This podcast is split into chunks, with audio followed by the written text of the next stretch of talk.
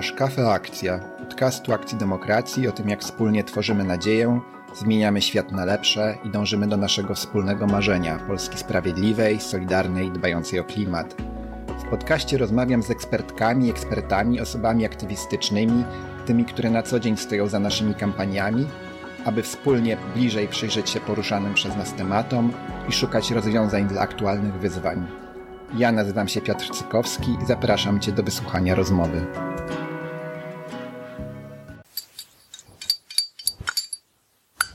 Witam w kolejnym odcinku podcastu Kafe Akcja, odcinek Wybo 23, w którym rozmawiam e, z osobami kandydującymi e, w zbliżających się wyborach. Mm, dzisiejszymi e, gościnią dzisiejszą i gościem jest Paulina Filipowicz i Jacek Denel.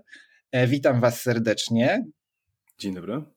Dzień dobry. I może na początek parę słów, e, które znalazłem na Wasz temat. E, Paulina kandyduje z 12 miejsca na liście Koalicji Obywatelskiej w okręgu gdańskim i chyba jak sama to piszesz, jesteś najmłodszą kandydatką z tej listy. Jesteś psycholożką zajmującą się innymi kwestiami zdrowia psychicznego, współautorką raportu o samobójstwach wśród dzieci i młodzieży, ale jesteś też aktywistką, która e, takiego młodego pokolenia, pokolenia, jak mówisz, końca świata, permanentnego kryzysu. Też mówisz, że e, jako właśnie aktywistka doszłaś do muru i dlatego właśnie teraz zdecydowałaś się kandydować do, do Sejmu. Czy, czy coś jeszcze chcesz dodać ważnego na początek?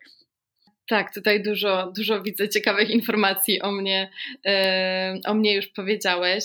E, to są takie najważniejsze, myślę, na początek rzeczy. Ja właśnie przedstawiam się jako ta najmłodsza kandydatka na liście, bo myślę, że to jest też bardzo ważne, żeby pokazywać, iż młodzi chcą być w polityce i, i chcą być też tym głosem e, młodego pokolenia. Dzięki. Jacek Denel, e, dwa lata ode mnie starszy, a ja mam 41 lat, startuje z ostatniego miejsca lewicy w okręgu warszawskim. Jesteś autorem nagradzanych książek, e, na co dzień żyjesz w Berlinie i bardzo aktywnie bierzesz udział w różnych debatach interes, e, internetowych. Przynajmniej ja stąd Ciebie znam i obserwuję Twoje zaangażowanie, szczególnie w tych dotyczących praw człowieka i praw osób LGBT. Czy coś jeszcze ważnego powinienem dodać? To, to jedno się zamyka w, w, drugim. Y, osoby LGBT plus są ludźmi, więc to, to są prawa człowieka, podobnie jak prawa kobiet, prawa uchodźców i tak dalej.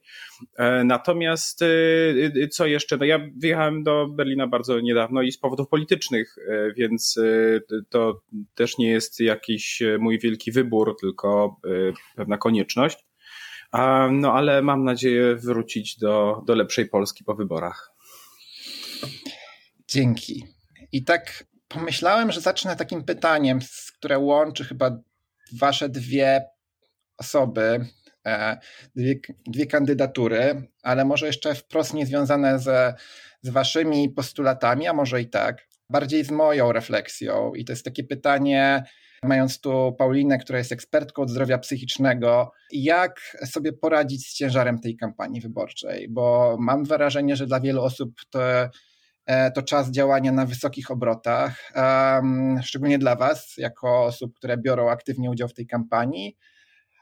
Ale też dla odbiorców i odbiorczyń ta skala absurdów, e, ale też bardzo groźnych rzeczy, jakie słyszymy, podkręcanie atmosfery, E, może być mega obciążająca. Mhm. Już teraz wiemy, że masa młodych osób jest zniechęconych polityką, a w ostatnich dniach e, ta polityka pokazuje swoją najgorszą twarz. E, obecnie rząd i niestety opozycja w to się jakoś wpisuje, pastwi się tą antyimigracyjną narracją. Rząd teraz atakuje no oczywiście politycznie Ukrainę, a wiemy, co tam się dzieje, jest wojna. Wiemy, że jeszcze niedawno planowali ponowne uderzenie w właśnie w społeczność e, LGBT, a szczególnie e, w, w, w, osoby transpłciowe. E, były takie, że tak powiem, przecieki, były dyskusje na ten temat, były takie pierwsze, że tak powiem, wypuszczane, wypuszczane komunikaty. Mm, I to jest ta społeczność najbardziej z tej grupy, moim zdaniem, wykluczona i narażona na dyskryminację. Więc może tak na początek, jak będąc na przykład młodą osobą w Polsce, interesować się tą polityką e, i nie zwariować. I to pytanie do ciebie, Paulina. Najpierw zacznę, bo jesteś ekspertką od zdrowia psychicznego.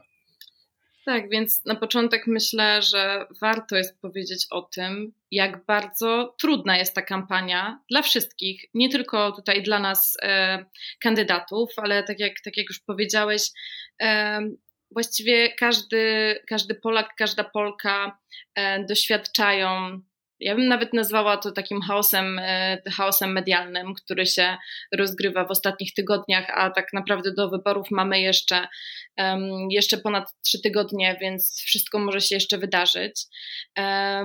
Rzeczywiście młodzi ludzie czują ogromną frustrację. Ten raport słynny Debiutanci 23 e, pokazywał, że aż 80% e, młodych obywatelek i obywateli czuje właśnie frustrację wywołaną wywołaną sytuacją polityczną e, w kraju, a 62% e, przyznało się po prostu do takiego lęku i niepokoju przed wejściem e, w dorosłość w obecnej, mm, w obecnej Polsce. No, dla mnie, jako dla młodej osoby, to jest też zdecydowanie zrozumiała statystyka.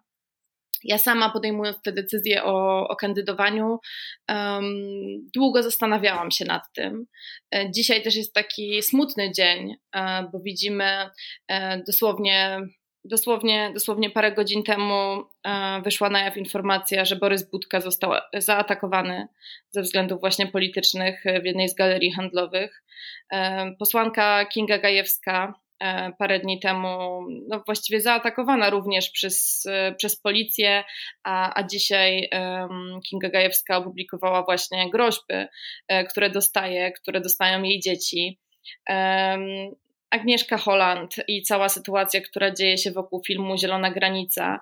Więc ten, ten hejt, ale właściwie dla mnie hejt to jest nawet tutaj za małe słowo. Ta przemoc, um, taka emocjonalna, ale również fizyczna, jak już widzimy, um, to jest na pewno okropny obszar e, tego świata polityki, którego po prostu nie powinno być.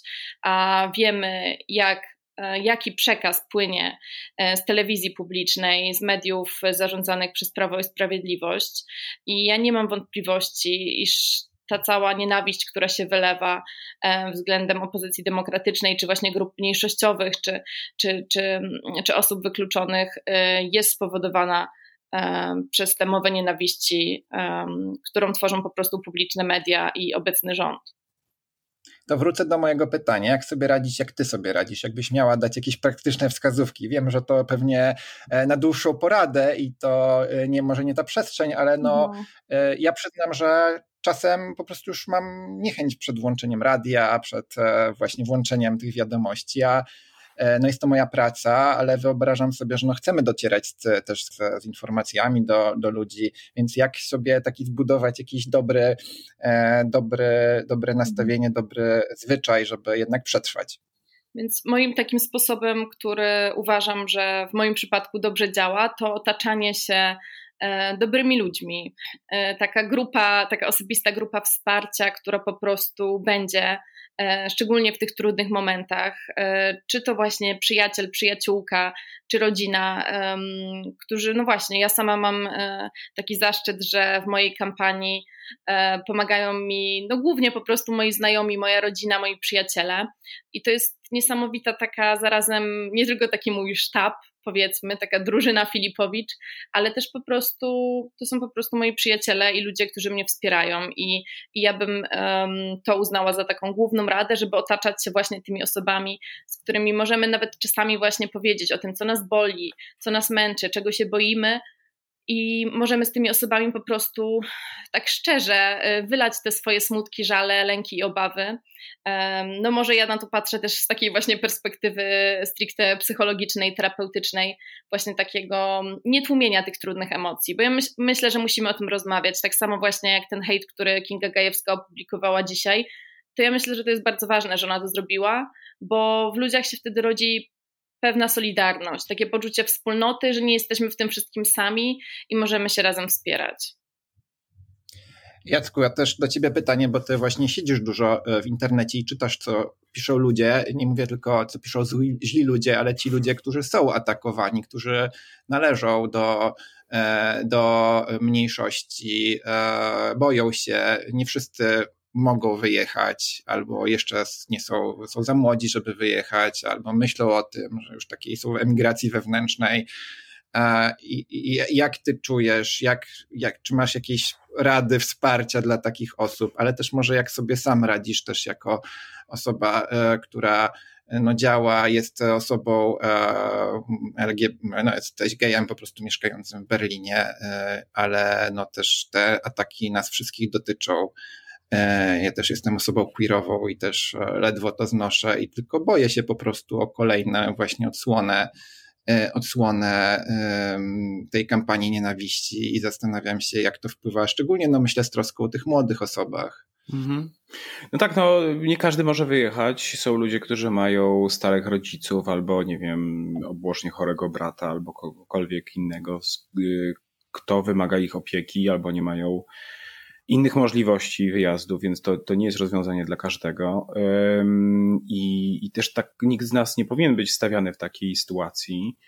E, no ale w Polsce się bardzo rozmnożyło takich samozwańczych wykidajłów, którzy mówią, kto ma prawo do bycia Polakiem i mieszkania w Polsce, a kto nie ma. To nie jest nic nowego, to było również w, we wcześniejszych epokach i jest to popularny pomysł.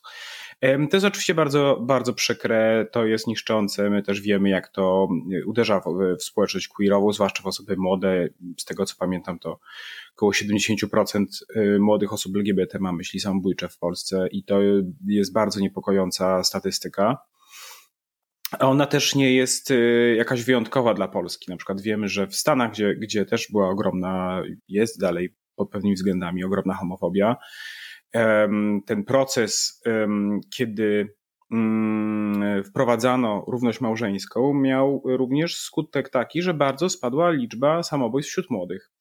I ona spadła o 7% y, w sumie, a 14% wśród osób LGBT. W związku z tym to też pokazuje, jak duża część a tych samobójców to, y, to były osoby LGBT. Y, więc to, to na pewno są duże wyzwania.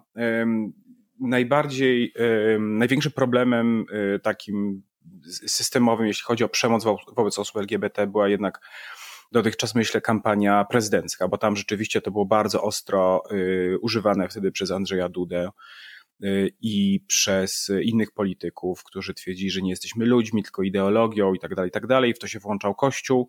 Wtedy w, w lecie 2020 roku faktycznie było bardzo dużo pobić, przemocy fizycznej, e, Zresztą nie tylko uderzającej w, w osoby LGBT była na przykład kobieta, która została pobita za to, że trzymała za rękę swoją siostrzenicę um, i tak dalej, i tak dalej. Y, teraz tego jeszcze nie mamy, ale to, to się może jeszcze oczywiście pojawić, dlatego że PiS w ogóle ma taką technikę, że wybiera sobie zawsze w zasadzie na każde wybory jakąś ofiarę, czy taką ofiarę zbiorową, takiego wroga, w którego uderza.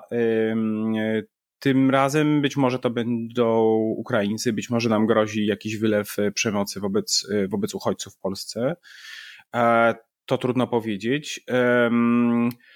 Jak sobie z tym radzić? No, jeśli chodzi o, o, o przemoc y, taką internetową, hejt, y, to po pierwsze warto sobie powtarzać, że duża część tego jednak to nie są ludzie żywi, to są farmy troli. E, w tym sensie to jest taki przekaz y, sztuczny, tak? On jest częściowo już pewnie generowany przez sztuczną inteligencję i nawet jak ktoś tym zarządza, to nie musi akurat wcale tak uważać. No, oczywiście to jest obrzydliwa sytuacja, ale etycznie, ale, ale też należy pamiętać, że to jest po prostu ktoś, kto dostał zlecenie um, i to zlecenie realizuje. To niekoniecznie muszą być osoby, które faktycznie nam źle życzą. Jest to jedna, jedna z możliwości. Mnie to na przykład pomaga. E, ważne jest wsparcie i to wsparcie takie właśnie wzajemne, to znaczy, jeżeli, widzimy, że ktoś jest atakowany, że ktoś jest um, niszczony publicznie, no to, to warto takiej osobie E, podać rękę, zaznaczyć jakoś. E, to oczywiście nie jest łatwe emocjonalnie, bo też się człowiek wtedy wystawia na, na jakąś tam przemoc. E. No i jeszcze jedna rzecz, jeśli ktoś ma duże zasięgi, jeśli ma jakąś taką istotną działalność w internecie, to ja jednak bardzo,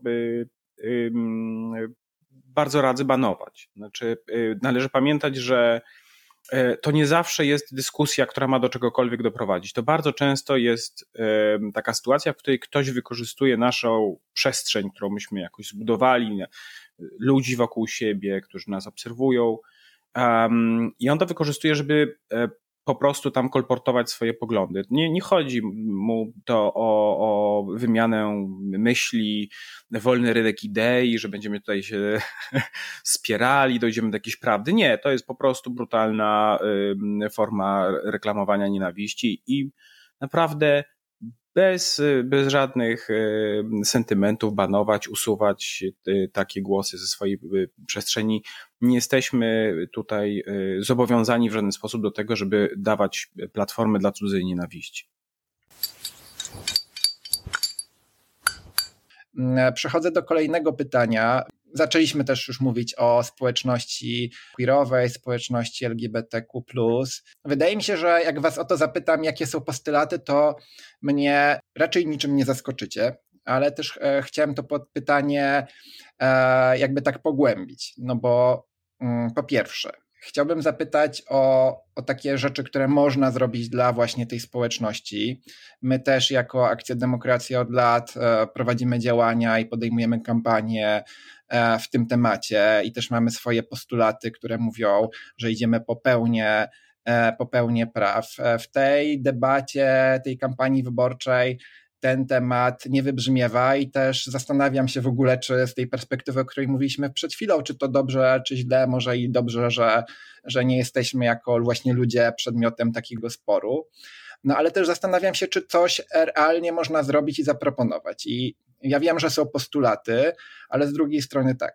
Wiemy, że będziemy mieli jeszcze przez jakiś czas prezydenta Dudę, który raczej czegokolwiek na rzecz e, społeczności, na rzecz mniejszości nie podpisze. Z drugiej strony też taki patrzę na pragmatyzm polityczny.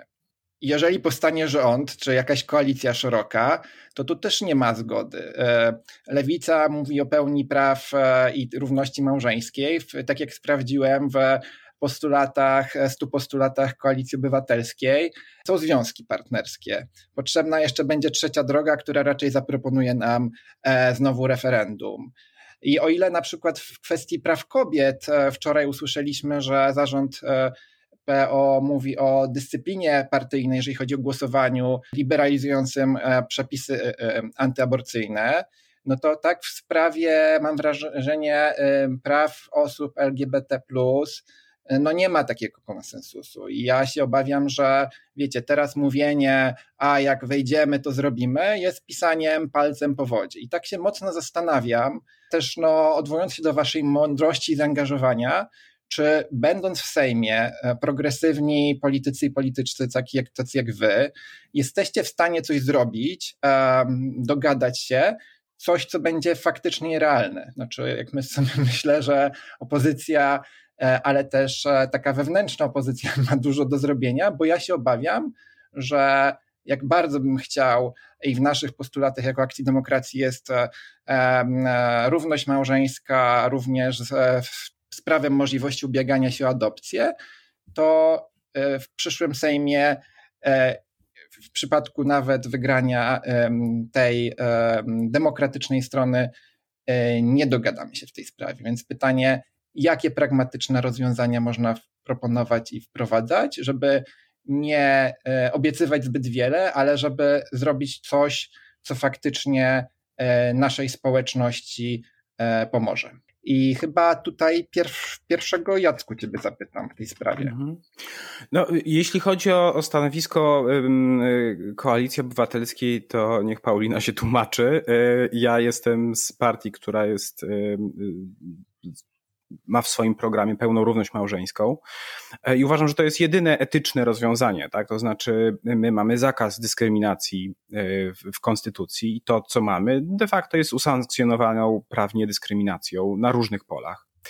Więc e, to, to nie jest tak, że nie wiem, jak dano kobietom prawa głosu, to dano im głosik, a nie pełny głos i one tam mogły, nie wiem, tylko w samorządowych na przykład wyborach głosować, a nie w, a nie w, w centralnych. I tak samo nie powinno być e, takiego podziału, że osoby hetero mają małżeństwa, a osoby niehetero mają związki partnerskie. Owszem, może być taka podwójna instytucja dla osób homo i hetero, dla związków jedno- i dwupłciowych, że mamy i związki partnerskie jako mniejszą formę i małżeństwa. Super, okej, okay, bardzo dobrze, ja nie mam nic przeciwko temu. Natomiast y, docelowo powinniśmy mówić o tym, że pełna równość małżeńska, po prostu pełna równość wobec prawa jest jedynym y, etycznym rozwiązaniem w tej sytuacji. Natomiast oczywiście no, mamy problem w postaci klasy politycznej. Mniej tak naprawdę już w tej chwili, jeśli chodzi o elektorat, dlatego że społeczeństwo, już mamy pierwsze takie sondaże, że większość społeczeństwa jest za równością małżeńską, jest 48 do 47%. A to jest y, naprawdę wynik ogromnej pracy przez kilkadziesiąt lat osób LGBT, sojuszników, działaczy, aktywistów, naprawdę rodzin, to jest, y, to jest niesamowite, jak Polska się pod tym względem zmieniła i za tym nie nadążają y, starzy politycy. Znaczy starzy niekoniecznie w sensie metrykalnym, ale w sensie takim y, stażu, prawda? E, bo ta klasa polityczna jest znacznie bardziej konserwatywna w tej chwili pod tym względem niż e, społeczeństwo. No i to, to jest ta praca. Znaczy, po pierwsze, to jest kwestia tego, kto ostatecznie do, dostanie się do parlamentu. Po pierwsze, czy E, wygra opozycja, a jeśli wygra opozycja, to komu e, elektorat powierzy te głosy? No, moja rada jest oczywiście taka, żeby powierzać te głosy kandydatom i kandydatkom progresywnym. Nawet w obrębie jakiejś konkretnej grupy, partii, na którą głosujemy, wybieramy tych na których nam szczególnie zależy, ponieważ są progresywni, ponieważ chcą wprowadzić realne zmiany, jeśli chodzi o sytuację kobiet, jeśli chodzi o sytuację osób LGBT, jeśli chodzi o, o kryzys klimatyczny itd. Itd. Um, więc y, ja na pewno będę orędownikiem pełnej równości małżeńskiej. Natomiast oczywiście y, doświadczenie uczy, że w większości krajów najpierw były wprowadzane związki partnerskie. I to nie jest tak, że ja zagłosuję przeciwko związkom partnerskim. A dlaczego? Dlatego, że jest bardzo dużo osób LGBT w Polsce, które mają no, po prostu jakieś palące problemy, tak? Bo na przykład jedna osoba jest z innego kraju i nie może y, tutaj mieszkać, albo y, któraś z tych osób jest ciężko chora y, terminalnie i to jest kwestia dziedziczenia, decydowania o pochówku i tak dalej, i tak dalej. Jeżeli my tego teraz nie załatwimy, no to przez kolejne tam rok, dwa czy, czy pięć ten, y, ten problem tych osób pozostanie nierozwiązany i doprowadzi do, do osobistych tragedii. Więc y, moim, moim zdaniem należy chwytać cokolwiek się oczywiście da. No poza takimi, tam coś, poseł Żalek chyba miał jakiś taki pomysł, że taką, nie wiem, kartę rowerową na to, że można mieć razem roślinę doniczkową, no to może bez przesady. Natomiast y, realne związki partnerskie tak, ale cały czas na takiej zasadzie, że to jest tylko i wyłącznie taktyczne wsparcie dla tych osób, które tego, tego najbardziej potrzebują, natomiast konieczna jest pełna równość małżeńska. Znaczy to, jest, to wynika po prostu z, z równości obywateli wobec prawa. Paulina, to teraz chętnie usłyszę Twoje zdanie, jak Ty się masz właśnie z tym, że tej, a może ja źle spojrzałem, może tam jest równość małżeńska, ale chyba jej nie dopatrzyłem się w programie e, koalicji. Jak Ty się z tym masz e, i też znowu no, z jednej strony postulaty, z drugiej strony pragmatyka, e, co dla społeczności e, e, można zrobić. Mhm. Tak, oczywiście powiem Ci, że dobrze spojrzałeś.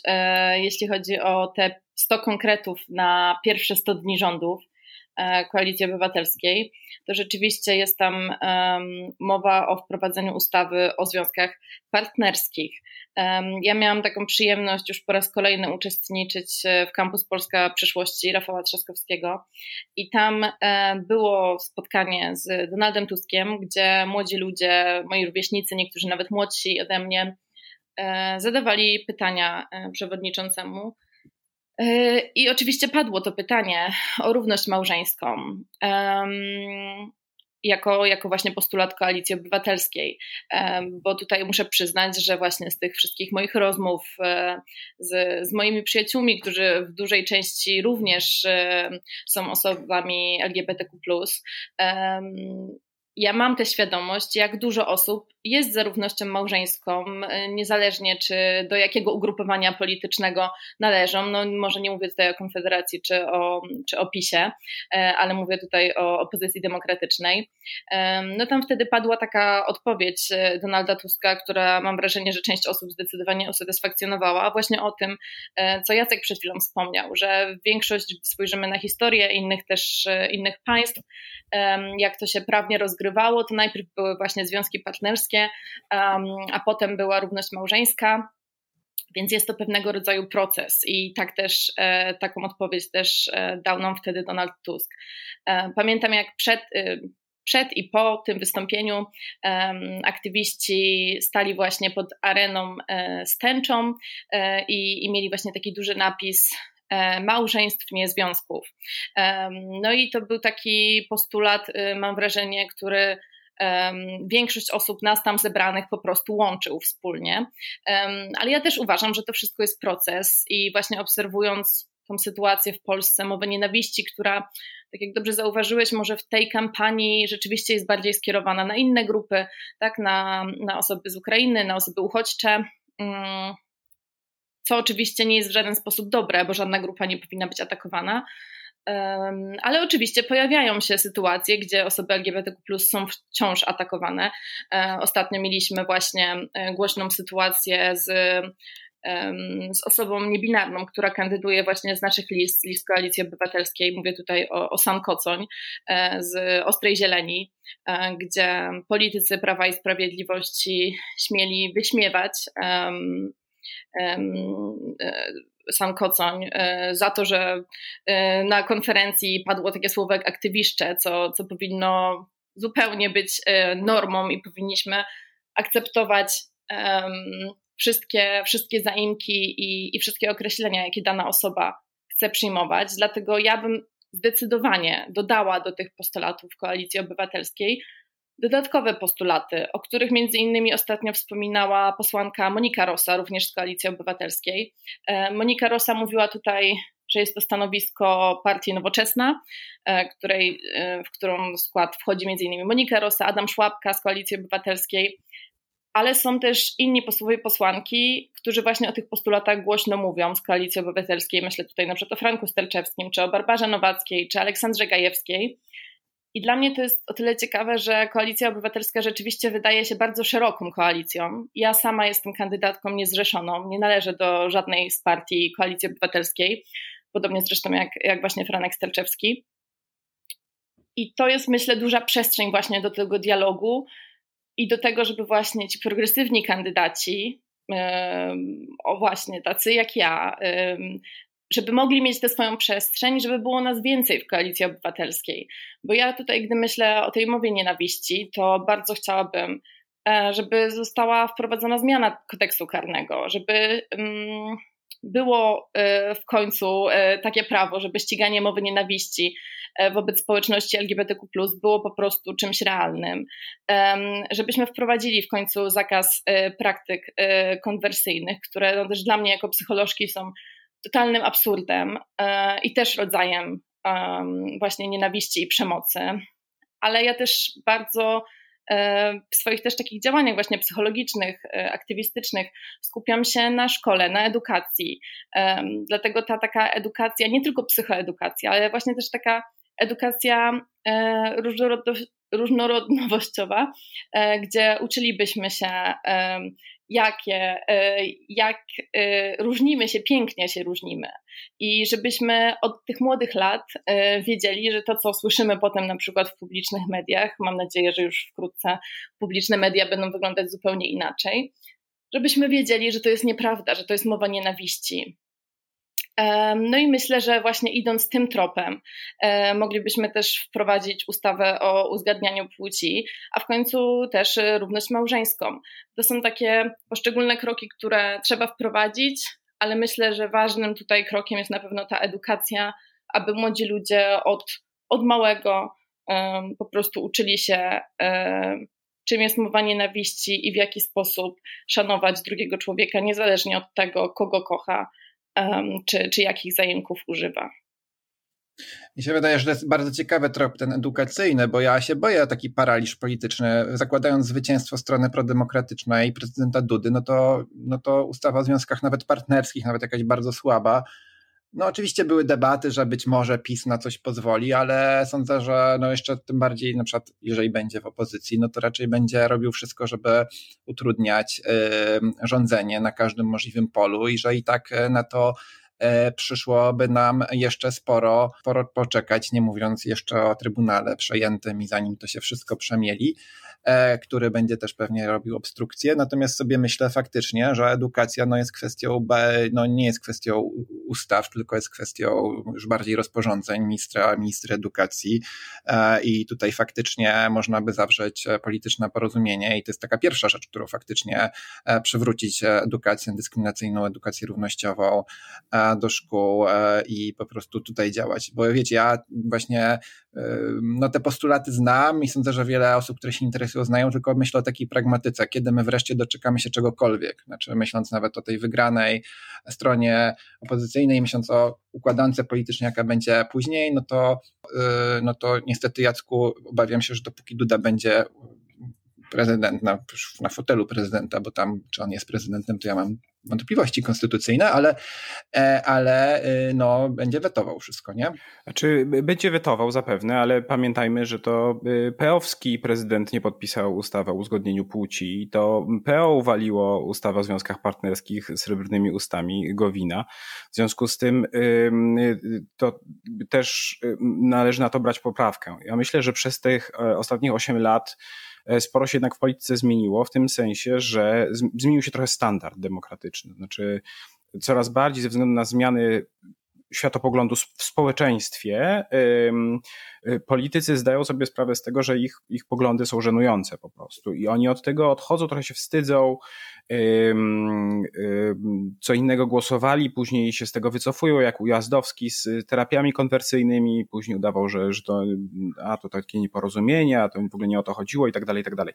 Więc to są rzeczy, które, które zmieniają się społecznie i w związku z tym wpływają na, e, na przesunięcie pewnych spraw w, w, polityce. To znaczy to, że te postulaty, które były postulatami lewicy 8 e, lat temu czy, czy 12 lat temu, w tej chwili coraz więcej są w postulatach koalicji obywatelskiej.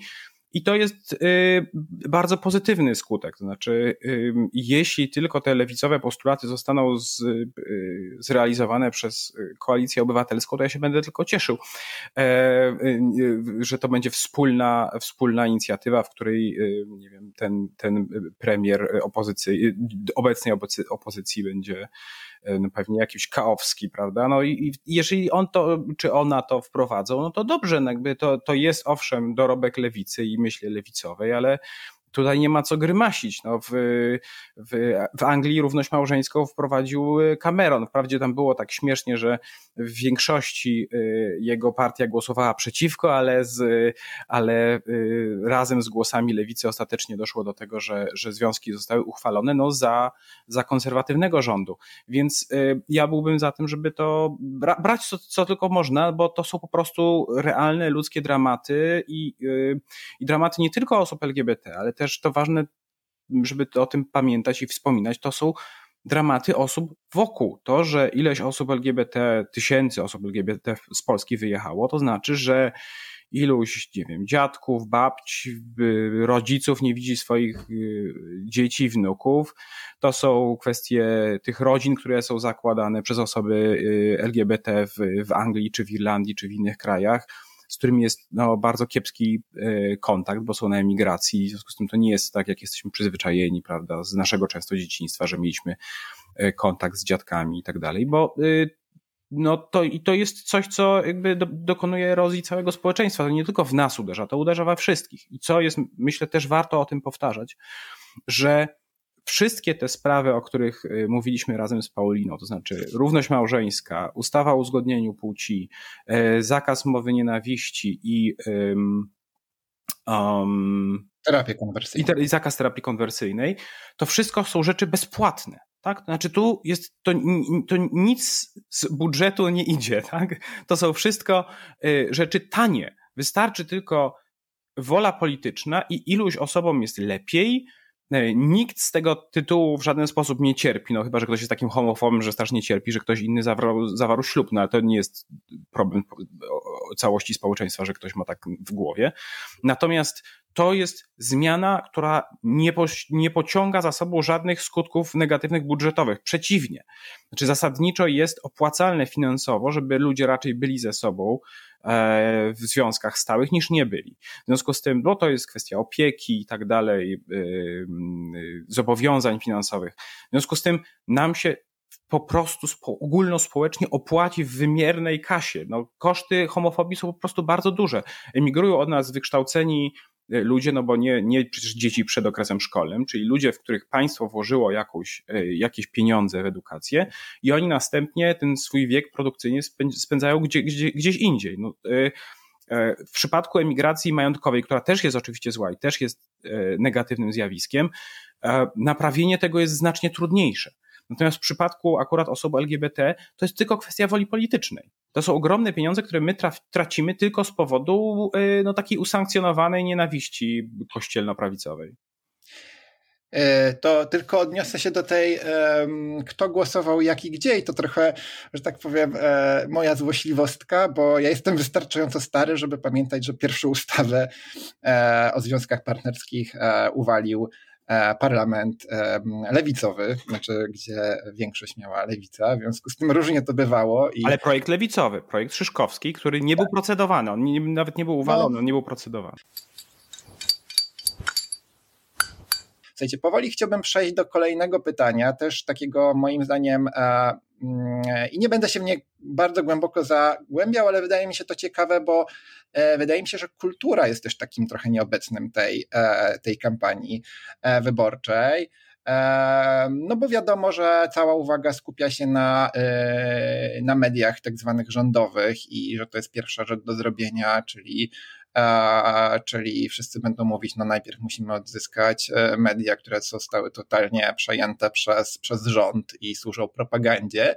Też, też to pytanie zadaję ze względu na obecność Jacka, który jest e, e, autorem książek, człowiekiem kultury i chciałbym was zapytać obydwoje, czy uważacie, że w, obecnym, w obecnej sytuacji po przejęciu władzy pilniejszą sprawą będzie jakby pozbycie się cenzury, czy też e, w pierwszej kolejności myślenie o takich kwestiach społecznych, e, no tym, że młodzi artyści nie mają dostępu do środków, że nie mają zabezpieczenia społecznego, że pracują często na e, śmieciowych kontraktach, na co byście stawiali akcenty, ale tutaj figlarnie oddam głos też, żeby była jakaś równość w, w zajmowaniu go e, Paulinie. Jak co ty w ogóle sądzisz o kulturze e, i co pierwszego byś zrobiła, gdybyś miała się mm. zajmować tym tematem?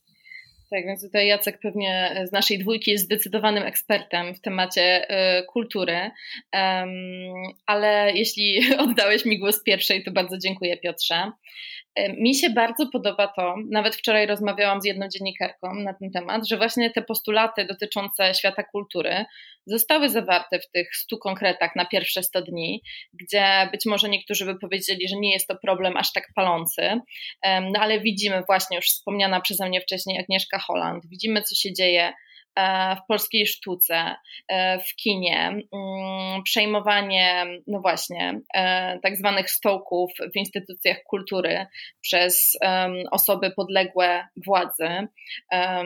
Ostatnio zachęta, wcześniej Centrum Sztuki Współczesnej Jazdu w Warszawie. To moje takie dwie, akurat o nich wspominam, bo to moje takie dwa ulubione miejsca w Polsce. Też lubiłem do nich chodzić. Tak, no właśnie. Już to było omijam łukiem, bo nawet nie da się patrzeć na nie z zewnątrz, czasami ze względu na plakaty, jakimi jest obwieszone. Tak, zdecydowanie. Ja ostatnio e, poszłam do Centrum Sztuki Współczesnej z czystej ciekawości, bo bardzo dawno mnie tam właśnie nie było e, z tych względów politycznych.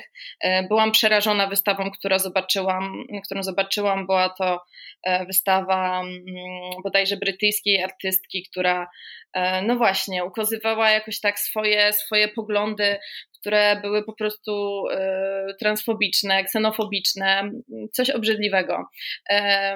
Więc ja po prostu stamtąd rzeczywiście wyszłam. Wracając jeszcze do tych, do tych postulatów, właśnie w tych stu konkretach, no to tam jest właśnie mowa o, o tym postulacie, żeby znieść tę cenzurę nałożoną na polską kulturę i właśnie tę taką cenzurę personalną, gdzie po prostu, no właśnie, to obsadzanie instytucji kultury osobami podległymi PiSowi, ale też tą taką cenzurę, żeby znieść tą cenzurę ekonomiczną, czyli to, co się dzieje zarządów PiSu, cofanie środków finansowych dla, dla tych wszystkich instytucji kultury, które są niewygodne dla władzy. To jest, e, myślę, niezwykle istotne ja bym chciała właśnie jak najszybciej zobaczyć te zmiany. Sama rozmawiałam z osobami, bo akurat mam taką przyjemność, że są to moi znajomi, którzy pracują właśnie w Zachęcie, gdzie, gdzie rzeczywiście e, to są ludzie, którzy robią to z pasji, a po prostu e, obecny rząd to wszystko blokuje. Ale również tam jest taki pomysł w tych stu postulatach, żeby wprowadzić właśnie ustawę o statusie artysty, która miałaby gwarantować artystom, artystkom takie minimum zabezpieczenia e, socjalnego, dostęp do ubezpieczeń społecznych i też e, ubezpieczeń e, zdrowotnych. No i to jest właściwie wynik tego, co, co obnażyła pandemia, właśnie te wady obecnego systemu, gdzie, gdzie właśnie ta praca, twórcza praca artystów, artystek, no nie ma odpowiedniego zabezpieczenia i jest potrzebne wsparcie również dla tej grupy. Ale jeszcze jedna rzecz a propos kultury, bo kultura to również e, język i ja jestem gdańszczanką z urodzenia, więc mój tutaj region to Kaszuby. No ale wiemy, jaka jest sytuacja na Śląsku, e, jak Ślązacy właśnie walczą o to, żeby ten e, ich język był uznany za, za regionalny. No i to jest kolejny taki postulat Koalicji Obywatelskiej na te pierwsze 100 dni, właśnie o postulat o ustawie, która nada temu językowi śląskiemu status języka e, regionalnego. Moim zdaniem e, świetna, świetna inicjatywa i też właśnie na kampusie Polska osoby ze Śląska poruszały ten temat i, i jak z nimi rozmawiałam, to byli e, bardzo zadowoleni z tego powodu, że taka ustawa miałaby właśnie powstać, wejść w życie. E, Jacku, tobie oddaję głos. E, co pierwsze, e, cenzurę czy, czy emerytura, tak najpierw, powiem. Najpierw może powiem o, o tych kwestiach językowych, dlatego że nawet Lewica tutaj idzie dalej, to znaczy Lewica chce nadać Ślązakom i Kaszubom status mniejszości etnicznych, natomiast język regionalny to Wilamowicki, ale tutaj hmm. kaszubski i śląski mają być, podlegać takiej jeszcze bardziej szczególnej ochronie. No i to jest też związane oczywiście z finansowaniem nauki tych języków języków y, w szkołach i tak dalej, i tak dalej. Znaczy, to jedno y, i drugie to są, y, to są dwie istotne sprawy. Jedna jest, że tak powiem, światopoglądowa, a druga bytowa, ale obie są ważne i ja nie uważam, że można je jakkolwiek zważyć.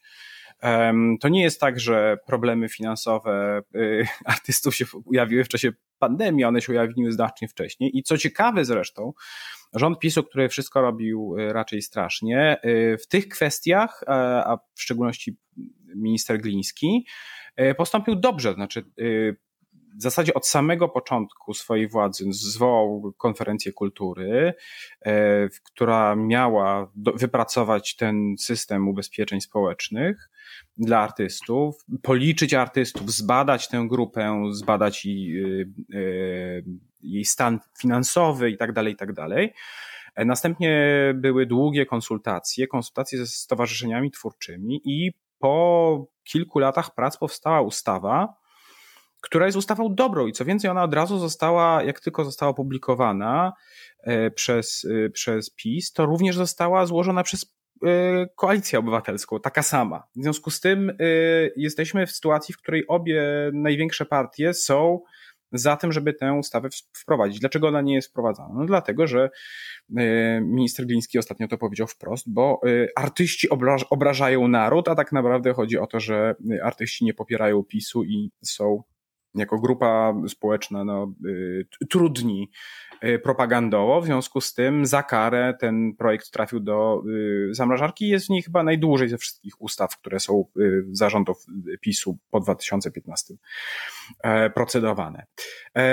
Ta ustawa jest dobra, ona jest dobra dlatego, że po pierwsze jest wypracowana w wyniku konsultacji społecznych, po drugie E, jest finansowana z e, pieniędzy i tak należnym artystom, e, należnych artystom, to znaczy z opłaty reprograficznej, więc ona nie obciąża budżetu, a poza tym jest tak skonstruowana, że im ktoś mniej zarabia jako artysta, tym większe dostaje dofinansowanie, tym bardziej jego składka jest dofinansowywana od, od 20 do 80%, przy czym ten najwyższy próg, jeżeli ktoś zarabia 80% średniej krajowej, to już go to w ogóle nie, nie obejmuje, żadne dopłaty. Znaczy, to już wtedy zarabia na, na samego siebie. Więc myślę, że to jest bardzo, e, bardzo dobry i tak naprawdę bardzo lewicowy z ducha y, projekt i ja go bardzo, bardzo popieram.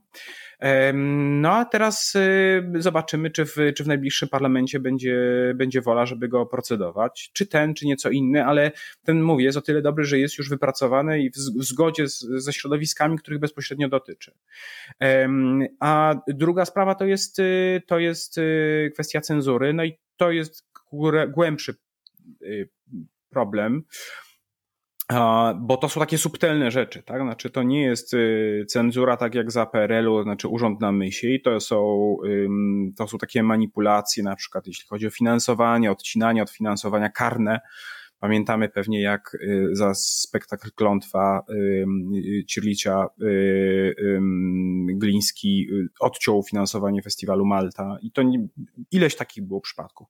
Przy czym znowu, PiS oczywiście jest najbardziej winny tutaj, ale to nie jest tak, że tylko PiS e, upolitycznia kulturę. Politycy różnych opcji manipulują przy muzeach i innych instytucjach kultury. To nie jest e, optymalna sytuacja. Kultura powinna mieć większą autonomię. Wiem, że ICOM, e, czyli taka, takie międzynarodowe stowarzyszenie, zrzeszenie muzeów, przeprowadziło takie badania, a następnie skończyło się to opracowaniem planów zmian w ustawie o, o instytucjach kultury, które po prostu dają większą autonomię y, instytucjom kultury. Tam są, jeśli chodzi o muzea głównie, to są rady, w związku z tym rady powiernicze w muzeach, gdzie politycy mają bardzo, czy politycy, czy y, e, też te organy centralne i samorządowe i centralne mają y, ograniczoną władzę, jeśli chodzi o powoływanie nowej dyrekcji, o dyscyplinowanie i tak dalej, i tak dalej. Jest inny, inna, inne założenia finansowania również, tak żeby e, to finansowanie dla muzeów było stabilniejsze, niezależnie od tego, co sobie y, jakiś polityk myśli na ten temat. I to, e, to są e, przygotowane już zmiany i uważam, że one są bardzo cenne, a, a w dodatku myślę, że dosyć łatwo można je ekstrapolować na inne dziedziny życia kulturalnego, bo te mm, procedury są podobne i problemy są podobne w wielu kwestiach. No i do tego mam jeszcze tę całą czapę rozmaitych instytutów, które powstały, instytutów tego i owego, które po prostu służą jako ciepłe posadki dla swoich, których y, y, wartość dodawania do kultury jest znikoma, to są głównie instytuty propagandowe i właśnie takie wyprowadzania pieniędzy y, do, do, na pensje. E, no i to jest duży problem. Znaczy to faktycznie trzeba będzie porozwiązywać i te pieniądze z powrotem skierować do tych, do tych instytucji, które były no, które działały dobrze, tak jak Instytut Adama Mickiewicza czy Instytut Książki.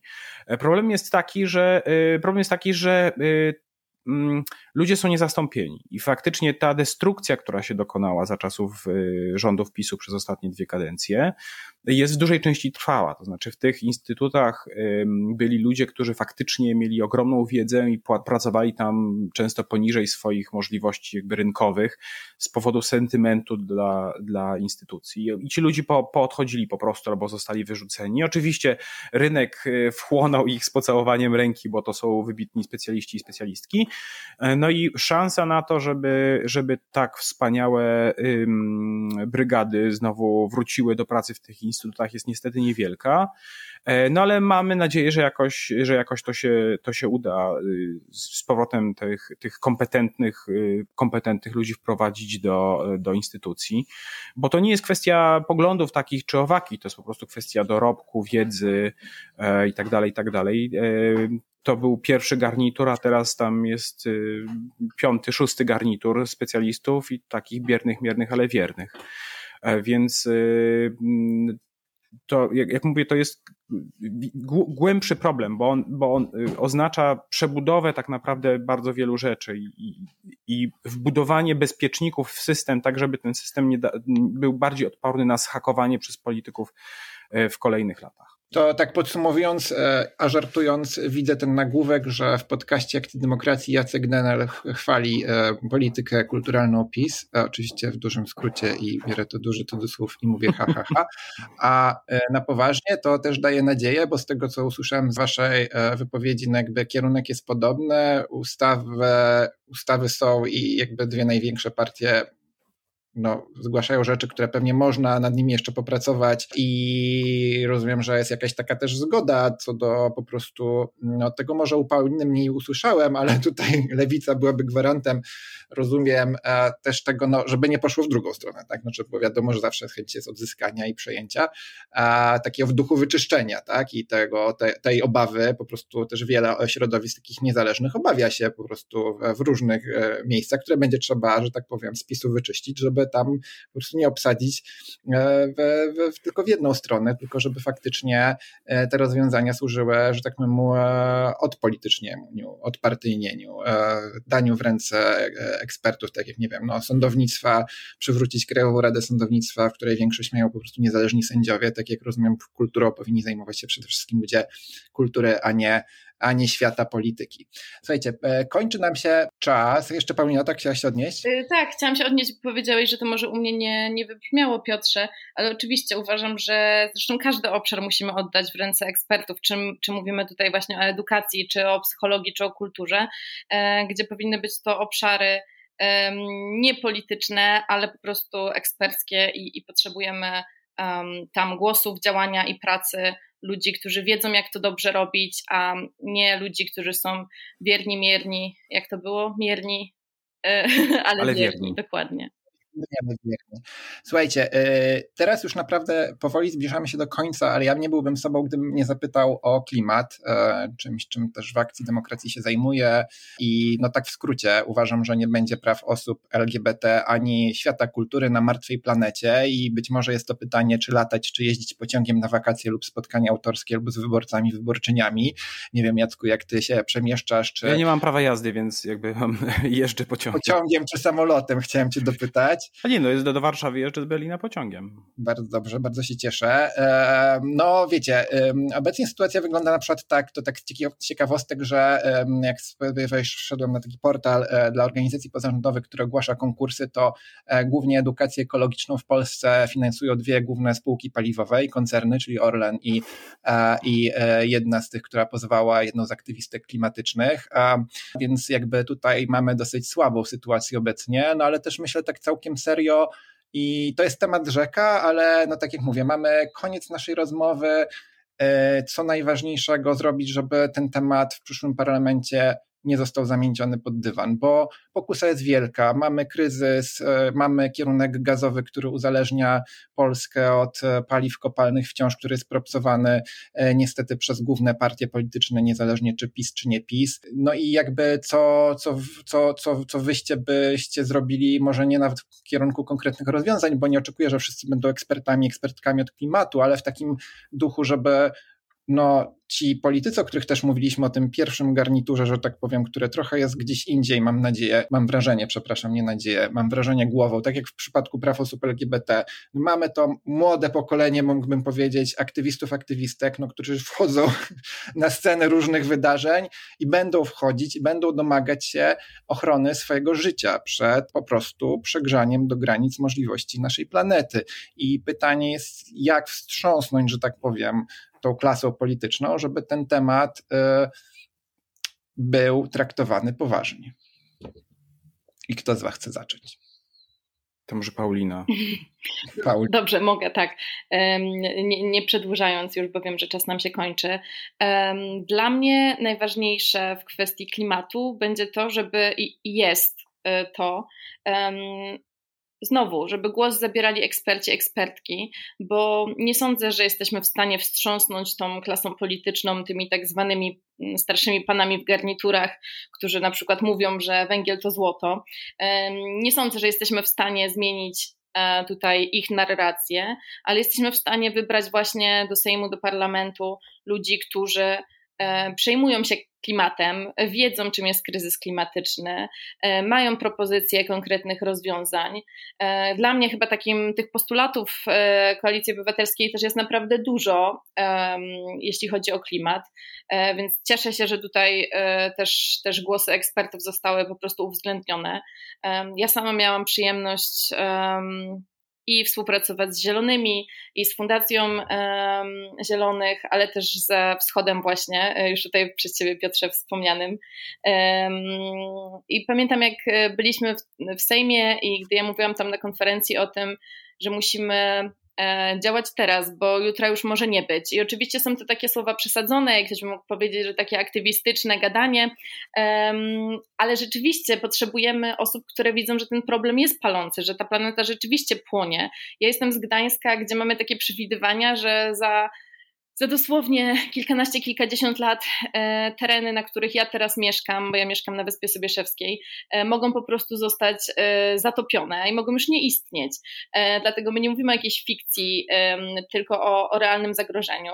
Dlatego ja myślę, że taki najważniejszy postulat to właśnie szczegółowy plan transformacji energetycznej, żeby ograniczyć, ale tak realnie emisję CO2, żeby przyspieszyć ten rozwój tych wszystkich niskoemisyjnych źródeł energii, OZE.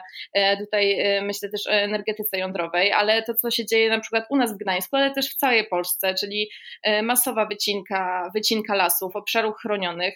My mamy piękny Trójmiejski Park Krajobrazowy, który jest masowo wycinany. Mieszkańcy krzyczą, apelują, kontaktują się z dziennikarzami właściwie są bezradni, no bo tylko zmiana polityki, tylko zmiana rządów przyniesie realne zmiany, bo sam obywatel, czy nawet grupa aktywistów E, nie zatrzyma, e, nie zatrzyma tego niszczenia e, planety, więc tu są potrzebne po prostu działania systemowe. Czyli rozumiem, że jako posłanka będziesz zapraszać ekspertów, ekspertki od klimatu, żeby z Tobą pracowali, szukając rozwiązań. E, I Jacku, zostało nam 4 minuty, więc mam nadzieję, że w trzech, żebyśmy się jeszcze pożegnali.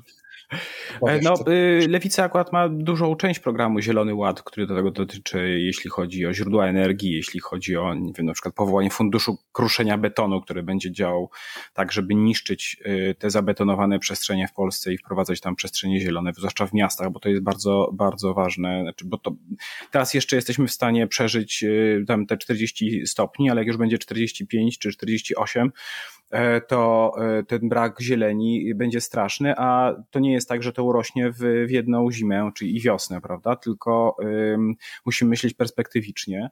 E, ja myślę, że apelowanie do ludzi, którzy mają dzieci jest tutaj dobre. Ja po prostu nie rozumiem, jak ktoś, kto ma dzieci, a tym bardziej wnuki, nie myśli o tym, że, że czeka jakaś straszliwa przyszłość. I to, to jest dla mnie niepojęte. Ja mam 43 lata, w związku z tym y, można powiedzieć, że trochę się już nażyłem.